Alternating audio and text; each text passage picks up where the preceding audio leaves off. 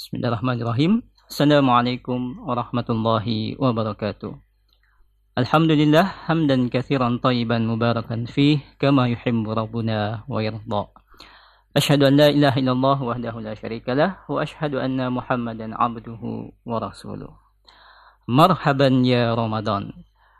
Baik pendengar 88,2 FM Radio An-Nasihah Sakinah dengan Sunnah dan juga pendengar 675 AM Radio Syiar Tauhid Jabodetabek. Alhamdulillah di sore hari ini kita dipertemukan kembali di program acara yang kami siarkan spesial untuk bulan Ramadan ini jika biasanya konsultasi agama kami siarkan setiap hari Selasa dan Rabu malam pukul 20 lewat 30 menit waktu Indonesia Tengah. Untuk di bulan Ramadan ini di spesial Ramadan 1441 Hijriah insyaallah di setiap hari kita akan siarkan konsultasi agama spesial Ramadan. Dan alhamdulillah di hari ini hari Jumat tertanggal 1 Ramadan 1441 Hijriah atau bertepatan dengan tanggal 24 April tahun 2020. InsyaAllah masih bersama dengan guru kita Al-Ustaz Zulkarnain bin Muhammad Sunusi Hafizahullah Ta'ala. Baik pendengar yang insyaAllah dirahmati oleh Allah Subhanahu Wa Ta'ala, program konsultasi agama kita ini adalah program interaktif.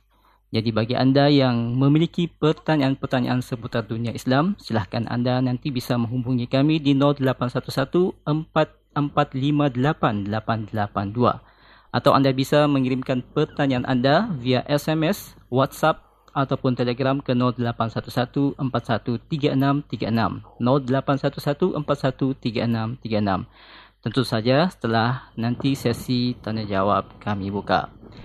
Baik pendengar, uh, selain anda bisa mendengarkan acara ini di 88,2 FM, anda juga bisa mendengarkan lewat aplikasi resmi kami yang bisa anda download di Play Store dan App Store handphone Anda.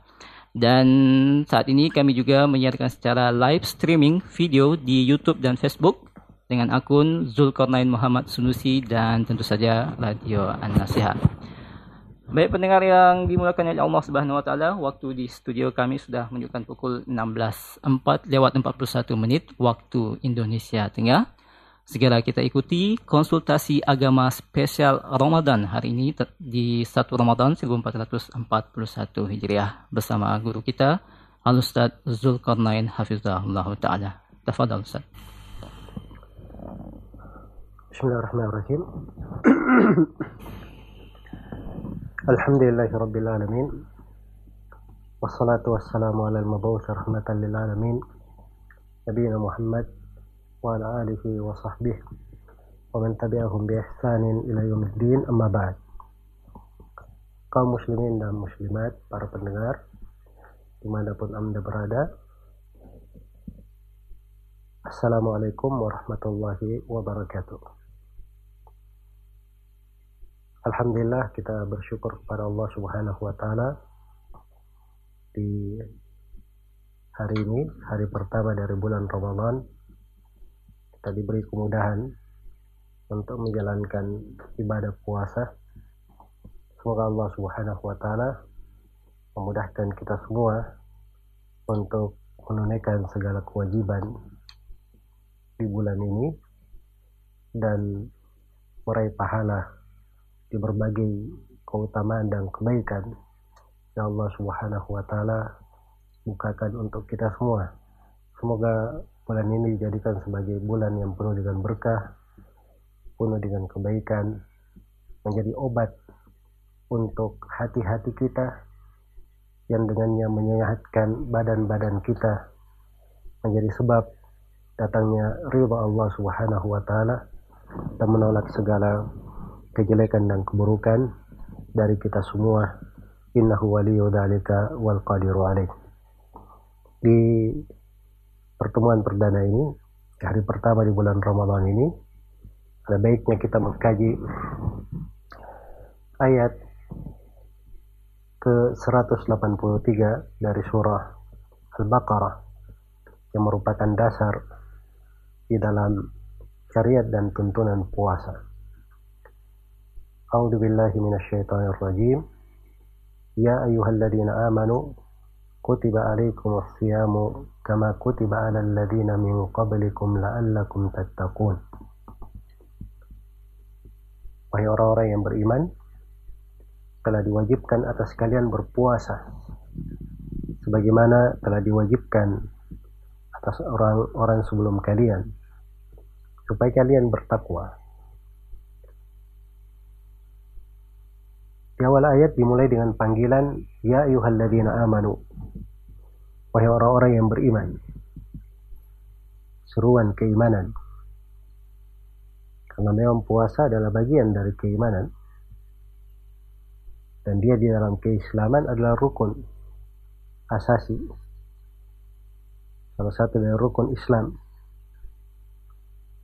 Dan dari sudut keimanan itu adalah sifat menonjol bagi orang-orang yang beriman dari kalangan para nabi dan para rasul.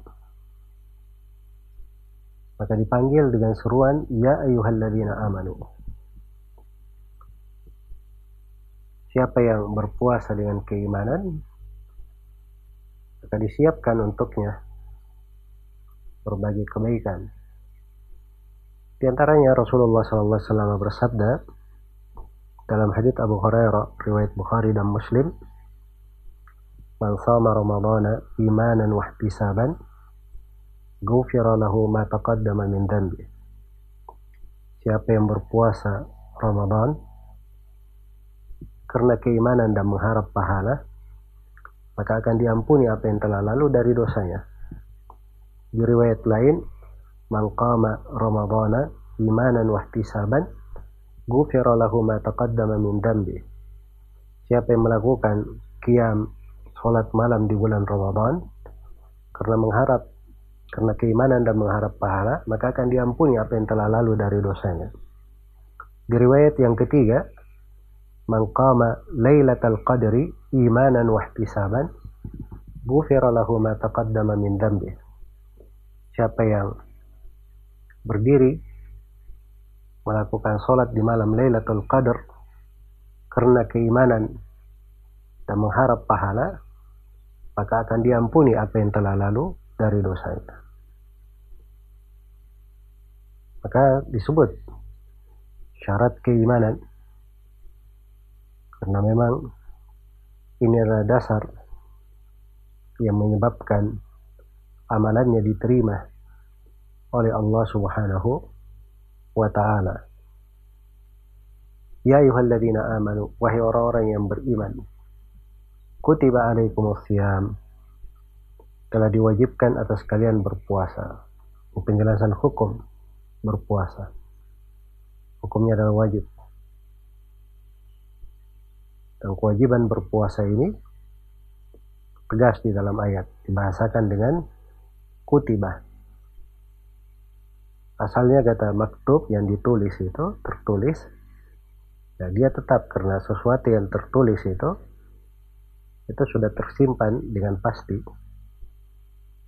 Sudah tersimpan dengan pasti. Makanya dia adalah kewajiban yang tetap.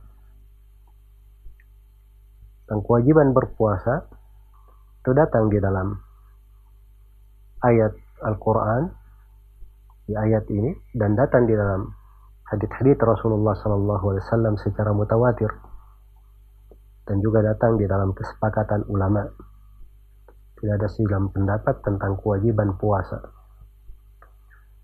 Dari hadits Rasulullah diriwayatkan oleh Al-Bukhari dan Muslim dari Ibnu Umar radhiyallahu anhuma dan datang dari sahabat yang lain Rasulullah sallallahu alaihi wasallam bersabda Bunyal Islamu ala khams Islam itu dibangun di atas lima pondasi. Dan salah satunya adalah saum Ramadan.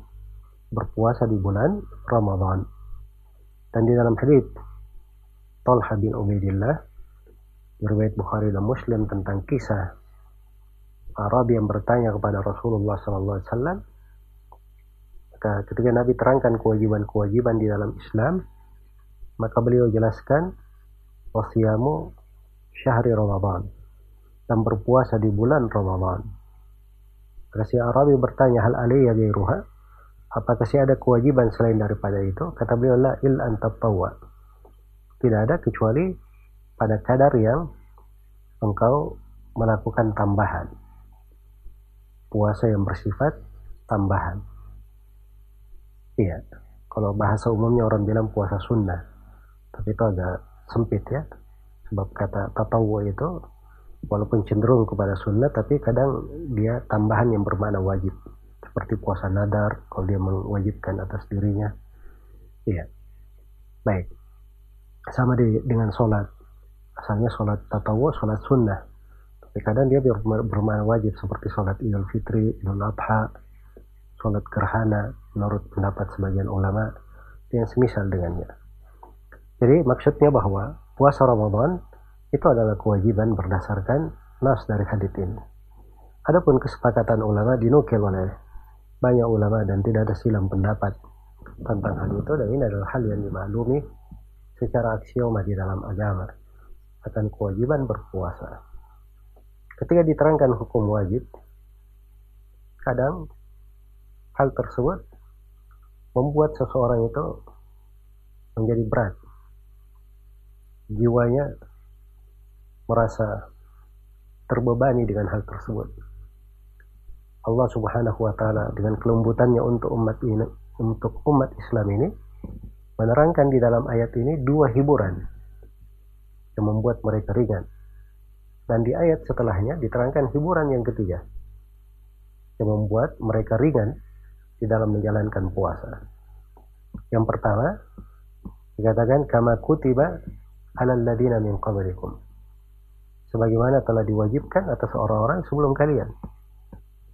Ya, biasanya kalau seorang itu di dalam sebuah pekerjaan sudah ada orang lain juga yang melakukan hal yang sama akan menjadi ringan. Seperti misalnya seorang anak di sekolah, dia dihukum untuk uh, suatu pelanggaran. Ternyata yang dihukum bukan cuma dia ada yang lain juga. Nah, maka ini menyebabkan dia lebih ringan akan hal tersebut. Beda kalau dia sendiri. Iya sama dengan kewajiban jadi umat ini ketika dia tahu bahwa ini kewajiban puasa ternyata bukan di umat Islam ini saja sudah ada di umat-umat sebelumnya maka itu akan meringankan jiwa kemudian hiburan yang kedua diterangkan bahwa di dalam puasa ini banyak keutamaannya. Salah satunya la'allakum tattaqun supaya kalian bertakwa. Nah, hiburan yang ketiga di ayat setelahnya ayaman ma'dudat. Itu adalah hari-hari yang terhitung, terbilang. Ya, ma'dudat itu kata jamak dalam bahasa Arab dipakai untuk jamak yang bersifat sedikit. Maksudnya dia hari-hari sedikit. Ya, karena memang Ramadan ya seperti yang sudah kita alami hari ini kita menyambutnya tidak lama tidak terasa tiba-tiba kita sudah meninggalkannya sudah menyelesaikannya maka dia adalah hari-hari yang terasa sedikit dan kalau dibandingkan dengan hari-hari kehidupan dia jumlahnya sedikit ya maka ini tiga hiburan yang membuat umat ini diberi oleh Allah Subhanahu wa taala kemudahan di dalam menjalankan puasa kutiba alaikum siyam telah diwajibkan atas kalian berpuasa. Puasa itu secara bahasa artinya adalah al-imsak, menahan. Iya. Dan secara istilah puasa itu artinya adalah penahanan, dia menahan disertai dengan niat. Menahan dari hal-hal tertentu. Nggak boleh dekati seperti makan, minum, hubungan suami istri pada waktu yang sudah ditentukan. Ya dengan ketentuan yang sudah ditentukan ada waktunya dari terbitnya fajar subuh hingga terbenamnya matahari dan dilakukan oleh orang-orang tertentu. Nah, orang yang berpuasa itu diwajibkan berpuasa apabila terpenuhi beberapa syarat. Syarat yang pertama dia seorang muslim. Syarat yang kedua dia balik. Adapun kalau masih kecil tidak wajib puasa, hanya anak kecil sudah dilatih untuk berpuasa. Dilatih untuk berpuasa. Kemudian syarat yang ketiga dia harus akil, orang yang waras. Adapun yang tidak waras hilang kesadaran, makanya tidak ada kewajiban puasa. Kemudian yang keempat, dia tidak ada, dia punya kemampuan, bukan seorang yang sakit, bukan orang yang melakukan perjalanan. Kemudian syarat yang kelima, dia tidak ada halangan berupa haid maupun nifas terkait untuk perempuan. Jadi apabila terpunya hal ini, maka diwajibkan atasnya untuk berpuasa. Kutiba alaikum siyamu kama kutiba ala alladina min qablikum. Sebagaimana telah diwajibkan atas orang-orang sebelum kalian. Ya, kewajiban ini semisal, semisal itu belum tentu sama dalam segala sudut. Iya. Jadi kalau jenis puasa itu ada di umat-umat sebelum kita. Hanya saja syariat setiap umat itu berbeda. Karena itu dalam Al-Quran dikatakan likullin ja'alna minkum syir'atan wa minhaja. Setiap umat kami jadikan ada syariat dan metodenya. Iya. Misalnya disebutkan dalam Al-Quran tentang uh, Maryam di masa Nabi Zakaria alaihissalam diperintah ya untuk berpuasa dengan cara tidak berbicara ya inni nadartu lirrahmani sauma falan ukallima al-yawma insiya. Sesungguhnya saya bernadar berpuasa maka saya tidak akan berbicara dengan seorang manusia pun di hari ini. Tidak akan berbicara dengan seorang manusia pun di hari ini. Di puasa mereka menahan tapi dengan cara tidak ber, tidak berbicara. Kalau kita penahanan dalam bentuk khusus yang lain yaitu dalam menahan tidak makan tidak minum tidak melakukan hubungan suami istri. Ya. Maka puasa ini telah ada di kewajiban umat-umat yang telah lalu.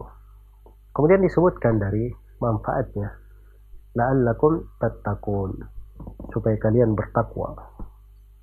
Supaya kalian bertakwa. Ya salah satu manfaat dari puasa itu adalah mendidik seseorang untuk bertakwa kepada Allah Subhanahu wa taala. Takwa itu adalah menjalankan segala yang diperintah dan meninggalkan segala yang dilarang. Ya, dan takwa ini derajat yang tinggi karena pada hari kiamat yang dimasukkan ke dalam surga hanyalah orang-orang yang bertakwa. Innal muttaqina fi jannati wa uyun. Sungguhnya orang-orang yang bertakwa di dalam surga-surga dan mata air-mata air innal muttaqina fi jannati wa na'im. Sungguhnya orang-orang yang bertakwa di dalam sorga-sorga dan kenikmatan. Innal muttaqina fi maqamin amin. Sesungguhnya orang-orang yang bertakwa berada di dalam kedudukan yang penuh dengan keamanan. Tilka darul akhiratu naj'aluha lil ladina la yuriduna uluwan fil ardi wala fasada. Wal akibatu taqwa itulah sorga. Kami peruntukkan untuk orang-orang yang tidak menghendaki ketinggian di atas muka bumi dan tidak menghendaki kerusakan. Dan akibat terbaik adalah untuk orang yang bertakwa. Dan ketika melewati jembatan di atas api neraka, yang diselamatkan adalah orang yang bertakwa. Wa in minkum illa wariduha kana ala rabbika hatman maqdiya. Thumma nunajji alladhina taqaw wa nadaru adh-dhalimina fiha jithiya. Tidak seorang pun di antara kalian kecuali dia akan mendatangi hambatan mendatangi neraka jahanam atau jembatan yang dihamparkan di atas neraka jahanam itu adalah suatu ketentuan dari Robmu yang telah dipastikan.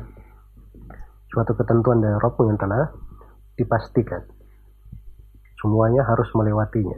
Kemudian kami selamatkan orang-orang yang bertakwa. Yang diselamatkan adalah orang-orang yang bertakwa orang yang dolim dibiarkan jatuh di dalamnya dalam keadaan berlutut maka takwa ini adalah hal yang sangat besar. Ya, karena itu loh puasa membawa seseorang untuk takwa. Karena di dalam puasa seseorang itu terbiasa melaksanakan apa yang diperintah. Ya, di dalam puasa pendidikan melatih diri yang meninggalkan apa yang dilarang. Karena itu dari semenjak terbitnya mata uh, terbitnya fajar subuh hingga terbenamnya matahari kita tinggalkan hal-hal yang dilarang. Ya, termasuk hal yang makruh hal-hal yang diharamkan yang lainnya itu dijaga, dipelihara untuk tidak ditinggalkan, untuk tidak didekati, ya dijauhi. Ya, sebagaimana kalau sudah terbiasa menjauhinya di bulan ini, maka itu akan menjadi pengaruh di hari-hari lain di kehidupannya. Sebagaimana orang yang berpuasa itu, ya, pada saat dia berpuasa, aliran-aliran darahnya menjadi sempit, dan itu mempersempit jalan-jalan syaitan di tengah manusia. Sehingga membuat hamba ini lebih mudah untuk taat kepada Allah subhanahu wa ta'ala dan lebih banyak berpeluang untuk mendekatkan dirinya kepada Allah Subhanahu wa taala. Maka itu sebagian dari manfaat ketakwaan.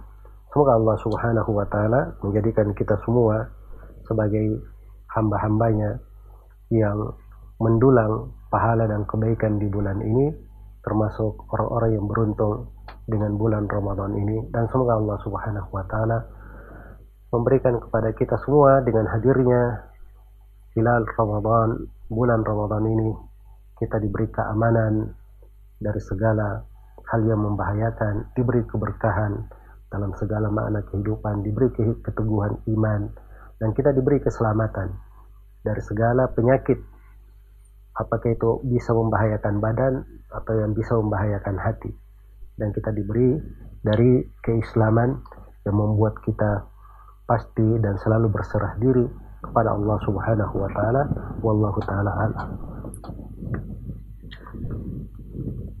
Baik pendengar, Alhamdulillah demikian tadi telah kita ikuti tausiah ringkas dari Al-Ustaz Zulkarnain Hafizahullah Ta'ala di edisi perdana kita pada hari ini yaitu konsultasi agama spesial Ramadan. Selanjutnya kita akan memasuki sesi tanya jawab interaktif Silahkan Anda yang memiliki pertanyaan seputar dunia Islam, Anda bisa menghubungi kami di 0811-4458-882 atau Anda bisa mengirimkan pertanyaan Anda lewat SMS, WhatsApp ataupun Telegram ke 0811-413636. Baik, silahkan Ustaz dijawab pertanyaan-pertanyaan yang sudah masuk ke redaksi.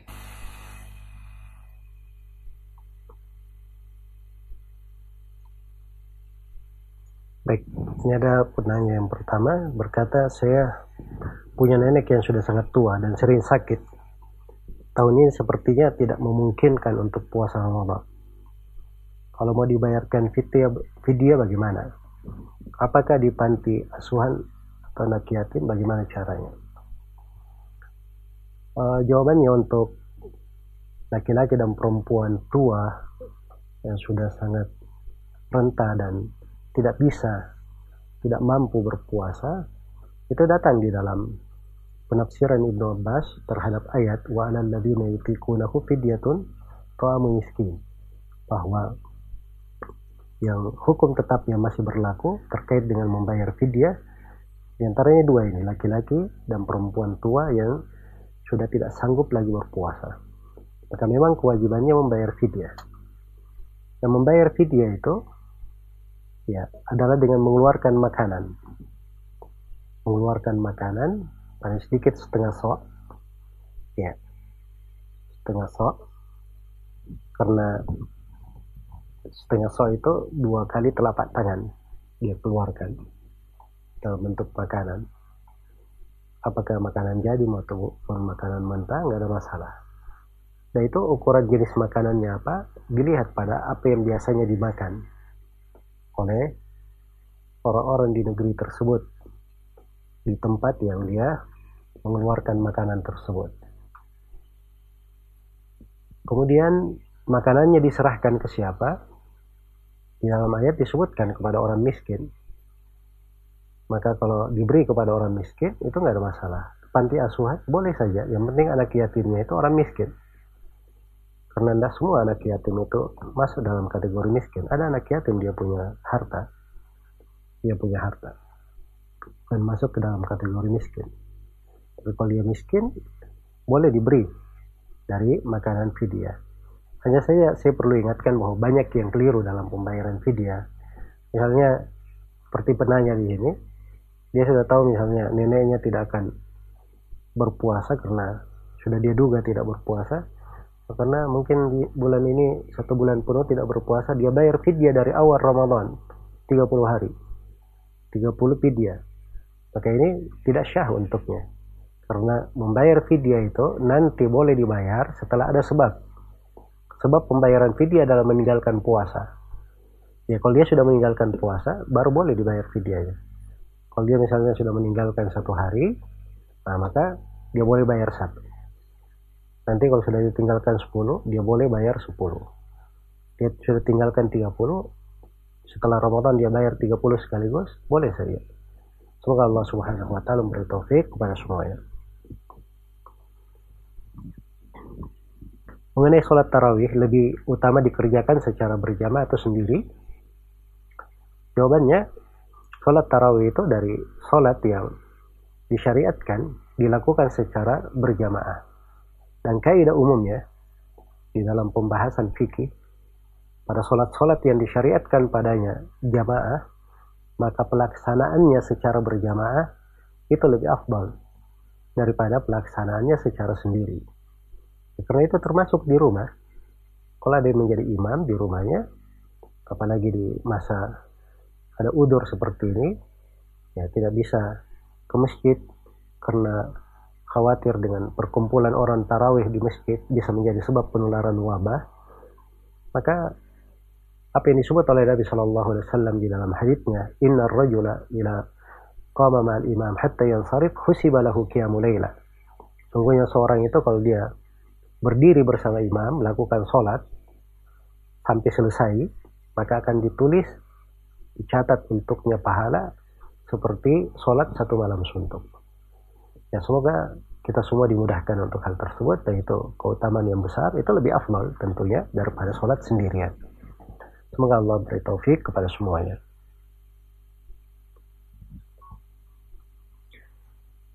Baik ini masih terkait dengan pembayaran fidyah Pembayaran fidyah itu ke orang miskin untuk satu kali makan perharinya atau tiga kali makan. Dan apakah kewajiban membayar fidyah ini menjadi kewajiban suami juga? Ya. Adapun yang pertama, membayar fidyah itu satu kali makan saja. Dia beri satu kali untuk satu orang miskin, maka itu sudah cukup untuk mengangkat satu hari yang dia tinggalkan. Iya.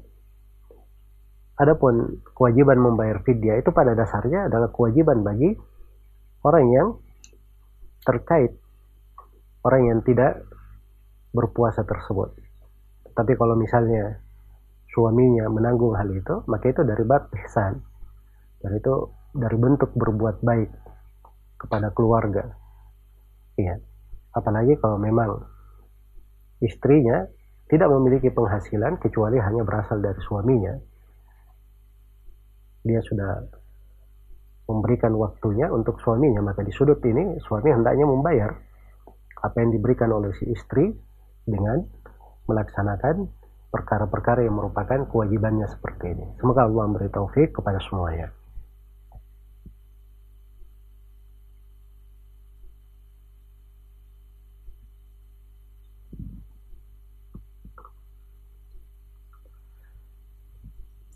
saya sudah selalu memberitahu orang tua saya tentang dilarangnya memajang foto makhluk di rumah. Namun orang tua saya tetap tidak menerimanya. Apakah dengan ini malaikat tidak akan pernah masuk ke rumah dan menyaksikan sholat-sholat saya? Pertama di dalam hadis riwayat Bukhari Muslim Rasulullah SAW bersabda, "La tadkhulul malaikatu baitan fihi kalbun wala surah."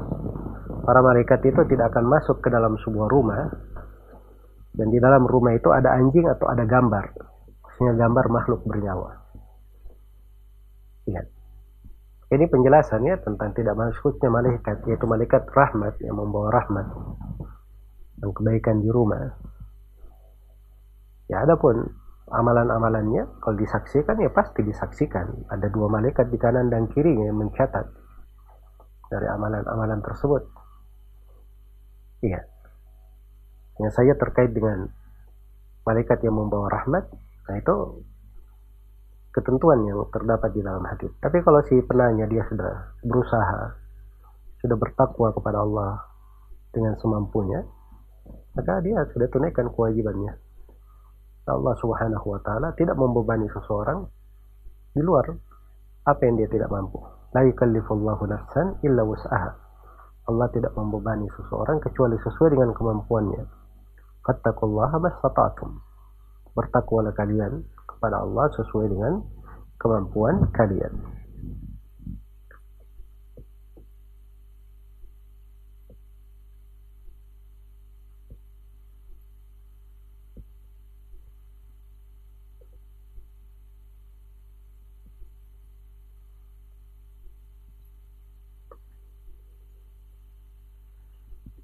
Di kampus saya sering mengadakan syukuran saat masuknya bulan Ramadan dengan berkumpul. Ya, sokot telur, potong ayam, membaca bacaan-bacaan dan surah-surah Al-Quran seperti Al-Fatihah dan lainnya yang dipimpin oleh seorang imam di kampung. Sekalian mendoakan keluarga saya yang telah meninggal. Apakah dibolehkan demikian? Di sini berkumpul beberapa hal ya. Pertama, uh, memberi makan itu adalah hal bagus ya orang yang memberi makan yang kedua membaca Al-Quran. Membaca Al-Quran adalah hal, hal yang bagus. Yang ketiga kita mendoakan orang yang sudah meninggal doakan kebaikan. Itu juga adalah hal yang baik. Tapi kalau tiga hal ini dirangkai dalam sebuah acara ya maka ini sama kalau misalnya saya kalau setiap kali mau manjat kelapa saya baca dulu dua khusus dua manjat kelapa. Atau saya sholat dulu dua rakaat baru saya naik manjat kelapa atau saya lakukan sholat duhur sebelum saya manjat kelapa. Ini kan menggabungkan jenis-jenis ibadah untuk hal tertentu. Nah, itu akan ditanyakan apa dalilnya dalam hal tersebut? Ya jangan berkata oh ini kenapa dilarang kita berdoa?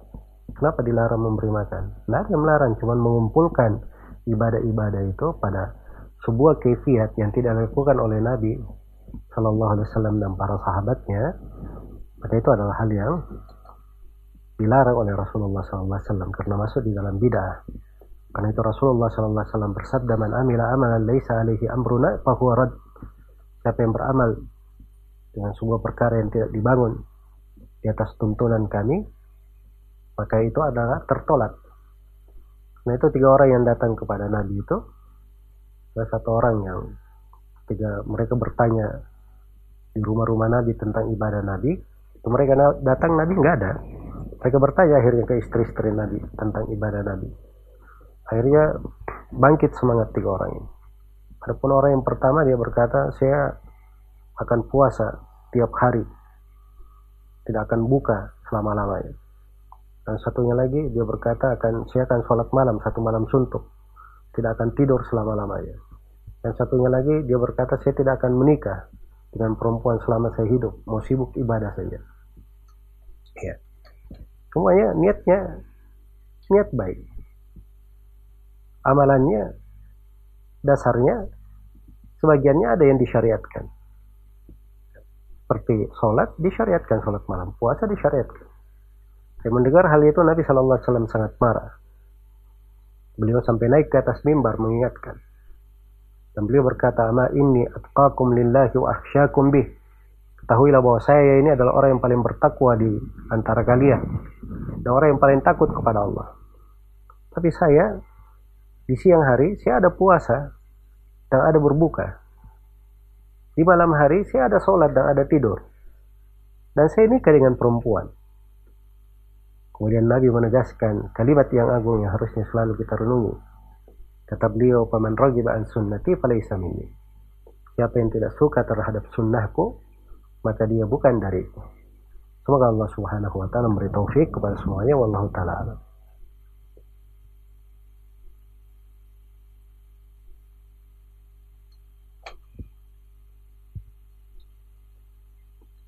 Alfonso, ada penelpon yang masuk, bisa kita angkat? Baik, silahkan. Waalaikumsalam warahmatullah. Dengan Anwar di Maros. Ya, silakan Pak Anwar. Ya, Saya sholat tarwih dan menutup witir tiga rakaat. Saya tidur sejenak. Saya lanjut lagi sholat tahajud ini ada tuntunannya Ustaz yang mencocoki sunnah atau tidak Jazakallah khairan baik Jadi Panwar di Maros pertanyaannya terkait dengan orang yang sudah sholat tarawih, dia sudah tutup dengan witir di awal malam. Terus di akhir malam dia melakukan tahajud lagi. Apakah itu dibolehkan? Jawabannya boleh saja. Yang penting dia tidak witir dua kali. Karena Nabi Shallallahu Alaihi Wasallam bersabda, la witrani fi Tidak ada dua witir dalam satu malam. Iya. Adapun boleh dia sholat lagi di malam hari, walaupun sudah witir di awal malam, itu dasarnya ada dua. Yang pertama, pernah ada riwayat bahwa Nabi sudah witir, kemudian beliau sholat lagi dua rakaat setelahnya. Dan dasar yang kedua adalah keumuman hadits Ibnu Umar riwayat Bukhari dan Muslim. Rasulullah SAW bersabda, atau di riwayat Muslim, salatul lail masna masna. Salat malam itu dua rakaat, dua rakaat.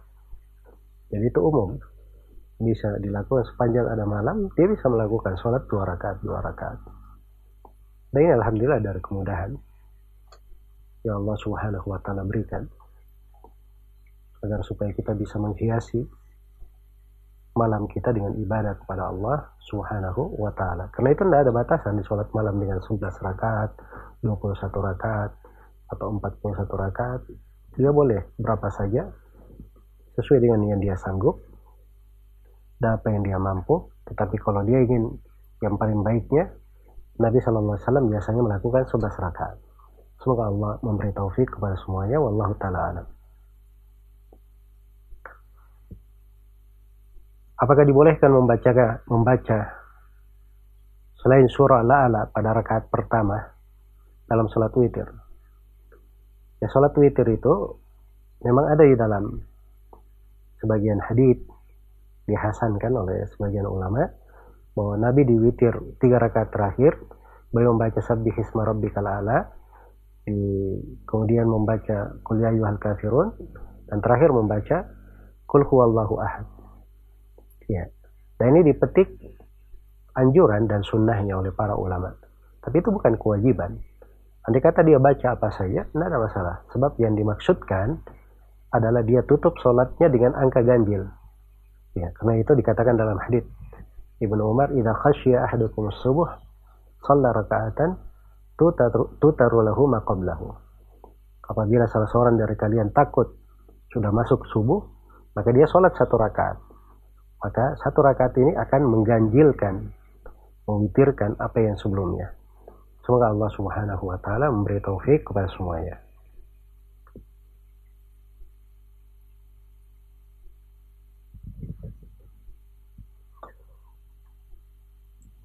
Bagaimana hukumnya ketika sholat tarwi saya hanya membaca satu surah dalam delapan rakaat. Contoh surah itu surah An-Naba 40 ayat. Setiap satu rakaat saya membaca lima potong ayat. Apakah dibolehkan? Ya, kalau dia bertanya boleh, boleh saja. Syah-syah saja. Tapi kalau ingin lebih eloknya, yang lebih indahnya, dia tidak melakukan seperti itu. Karena surah An-Naba itu, itu tema-tema pembahasan ayat. Jadi kalau diambil lima potong, lima ayat, lima ayat, belum tentu nyambung temanya. Antara ayat sebelumnya dengan ayat setelahnya. Tapi dilihat makna tema. Ya. Surah Naba misalnya diterangkan dari awal tentang hari kiamat. Terus diterangkan tentang bukti penciptaan uh, makhluk dan Allah maha mampu membangkitkan mereka. Kemudian diterangkan tentang uh, neraka dan ancaman bagi orang-orang yang apa namanya uh, mendustakan ayat-ayat Allah. Kemudian diterangkan tentang orang-orang yang bertakwa. Kemudian ditutup dengan penutupan terkait dengan kejadian di hari kiamat. Itu kan harus dipilah-pilah hal yang seperti itu. Supaya enak untuk didengarkan. Seorang merenunginya dengan baik. Semoga Allah subhanahu wa ta'ala memberi taufik kepada semuanya.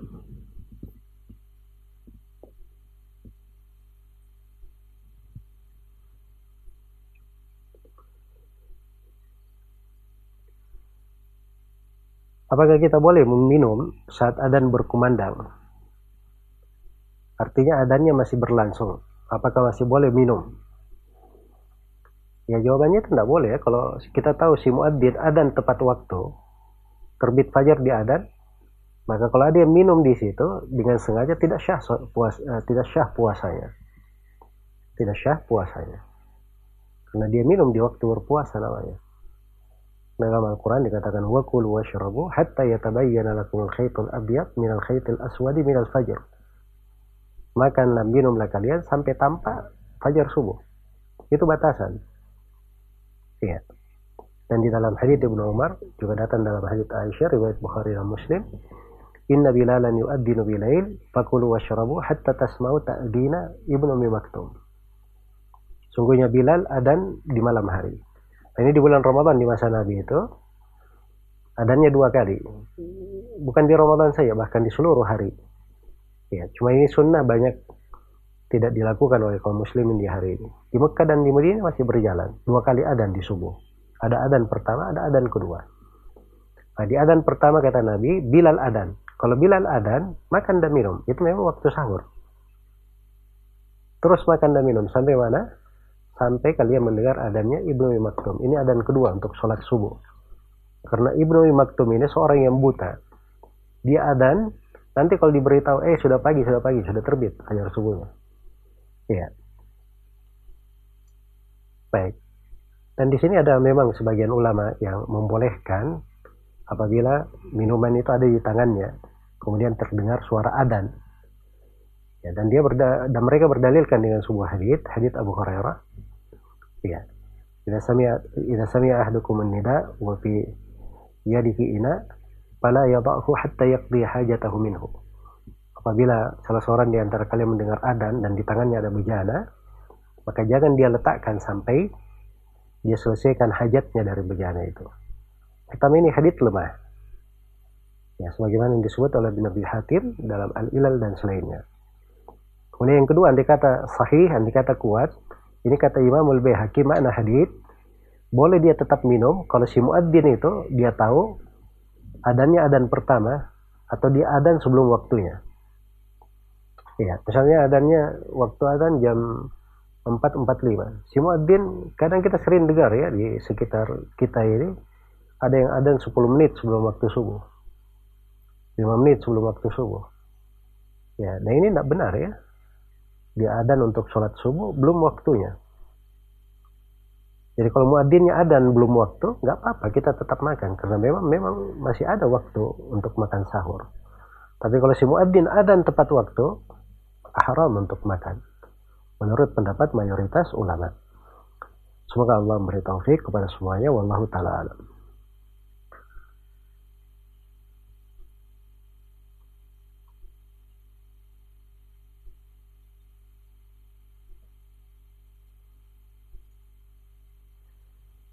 Ada hadits Nabi di mana beliau tidak mengerjakan qabliyah zuhur, maka beliau mengqadanya sesudah sholat zuhur. Apakah hal ini berarti kita mengerjakan empat rakaat qabliyah dan dua rakaat ba'diyah atau bagaimana? Iya, boleh seperti itu. Jadi kalau dia misalnya ada alasan, ada udur, dia terlambat, dia belum sempat qabliyah zuhur, maka qabliyah ini dia ganti setelah zuhur dia mengerjakan qobliyahnya dahulu baru ba'diyahnya atau dikerjakan ba'diyahnya kemudian qobliyahnya tidak ada masalah. Semoga Allah memberi taufik kepada semuanya.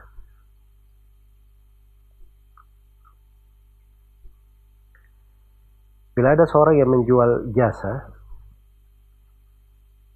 bolehkah dia meminta bayaran penuh dari pembeli sebelum yang bersangkutan melaksanakan pekerjaannya ini menjual jasa ya. Ya dia minta bayaran penuh sebelum melaksanakan kerjanya. Boleh saja. Sebab itu bentuk dari uh, jasa. Apakah terkait dengan menyewa atau terkait dengan apa namanya uh, suatu jasa yang akan dia lakukan dia boleh bayar, diminta dibayar sebelum uh, dia melaksanakan pekerjaannya. Nah itu tidak ada masalah. Semoga Allah memberi taufik kepada semuanya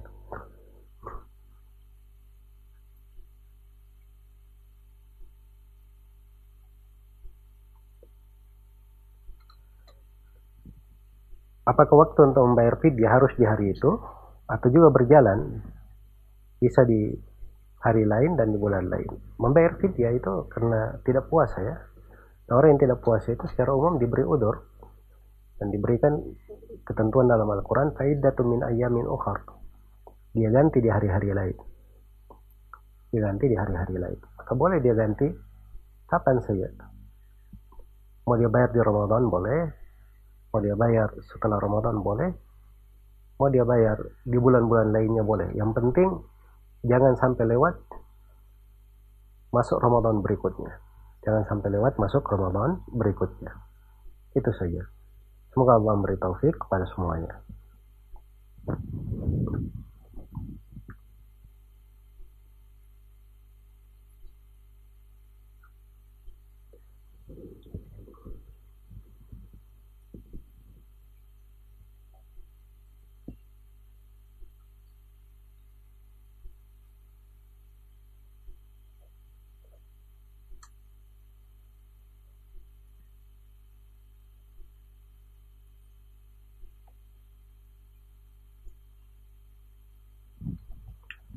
Saya seorang imam masjid dan di masjid tempat saya jadi imam masih diadakan sholat berjamaah, sholat jumat dan sholat tarawih.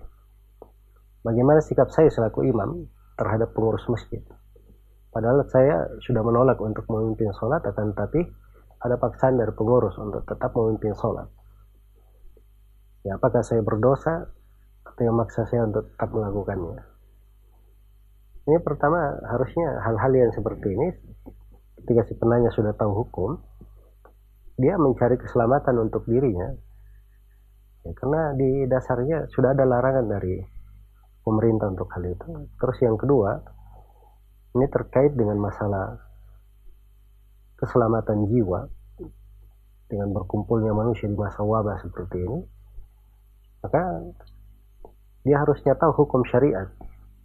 Dan hendaknya dia taat kepada pemerintah dalam hal yang ma'ruf Nah, itu sudah dua dasar penting di dalam ibadah. Harusnya dia pegang. Ya ada pun sebagian pengurus masjid yang hanya memiliki semangat belaka tapi tanpa ilmu. Nah, ini kasihan ya, jangan dibantu di dalam hal-hal yang kadang bisa mencelakakan orang lain. Ya. Alhamdulillah banyak kegiatan-kegiatan yang bisa dilakukan. Semoga Allah Subhanahu wa taala memberi taufik kepada semuanya.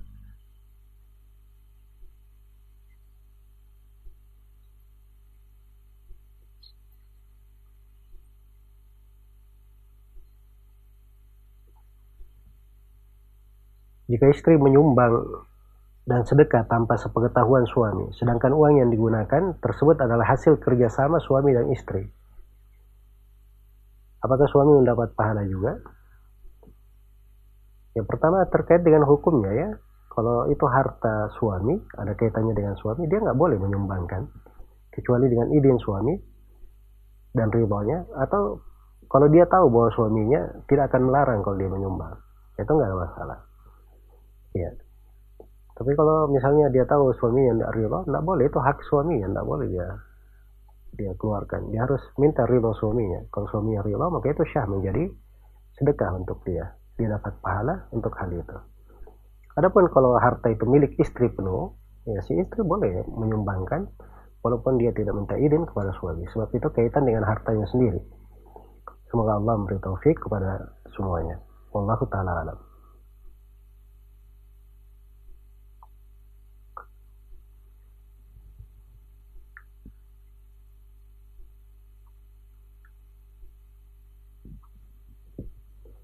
Apakah syah sholat sendiri tanpa adan dan komat? Kalau syah, syah saja. Kalau syah, syah saja. Apalagi kalau dia tinggal dalam kota. Dalam kota ini sudah ada orang yang adan dan komat. Dan itu sudah gugur kewajiban fardu kifayah. Tapi kalau dia sedang musafir atau di sebuah tempat tidak ada yang mengumandangkan adan dan komat di situ, maka hendaknya dia adan dan komat. Ya, karena itu terkait dengan masalah kewajiban. Adan dan komat itu fardu kifayah. Kalau sudah ditegakkan oleh sebagian gugur atau sebagian yang lainnya. Semoga Allah memberi taufik kepada semuanya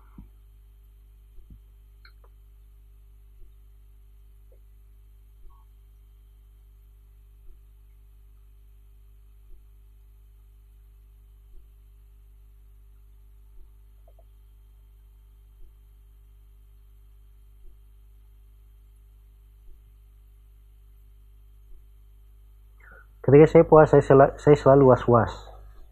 Setelah berkumur-kumur saat wudhu takut ada air yang tersisa dan tertelan.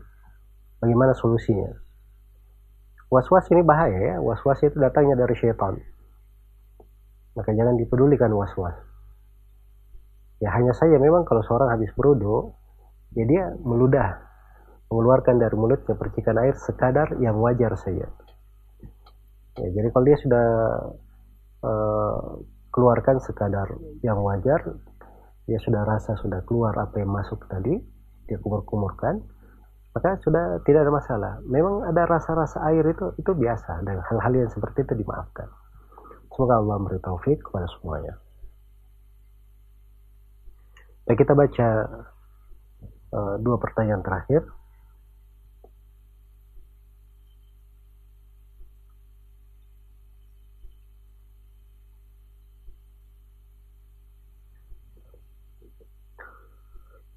apa dikir yang dibaca ketika sholat malam dengan ruku atau sujud yang panjang? Ya dikir yang biasa dibaca.